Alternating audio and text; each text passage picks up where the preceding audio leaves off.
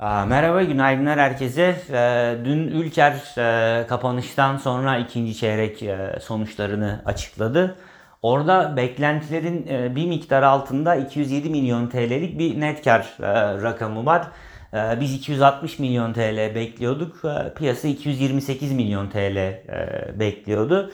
Şimdi orada sapmanın e, sebebine baktığımız zaman en azından tabii bizim e, taraf için e, diyelim vergi giderinin e, ön plana çıktığını e, görüyoruz. Hani şirket normalin de geçmiş ortalamalarına çok üzerinde %38'lik bir etkin vergi oranı e, açıklamış. Biz %22'lik e, bir oran bekliyorduk. Yani bununla ilgili dipnotlarda e, sunumda şu aşamada bir e, açıklama e, göremedik. Onun dışında FAVÖK tarafına e, baktığımız zaman orada da yıllık %7'lik bir e, düşüş var. 350 milyon TL geldi yılın ikinci çeyreğinde e, FAVÖK. Bu piyasa beklentisi 358'e büyük ölçüde paralel.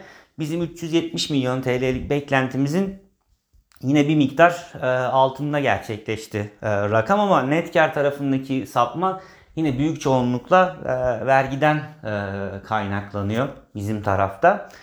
Ee, Şimdi aslında FAVÖK'teki e, düşüş e, tamamen maliyet e, baskısı kaynaklı. Çünkü şirketin satışları görece sağlıklı %19'luk bir artış gösterdi yıllık e, bazda. Beklentilere de büyük ölçüde paralel.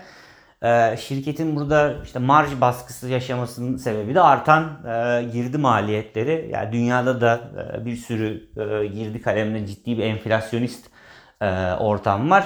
Onun etkisi bir miktar operasyonel e, giderler de e, geçmiş ortalamaların üzerine çıkmış. Orada %26'lık e, bir artış var. E, dolayısıyla biz bugün e, sonuçlara piyasa tepkisinin bir miktar e, negatif olmasını e, bekliyoruz. E, benim bugün için aktaracaklarım e, bunlar. Herkese iyi günler diliyorum.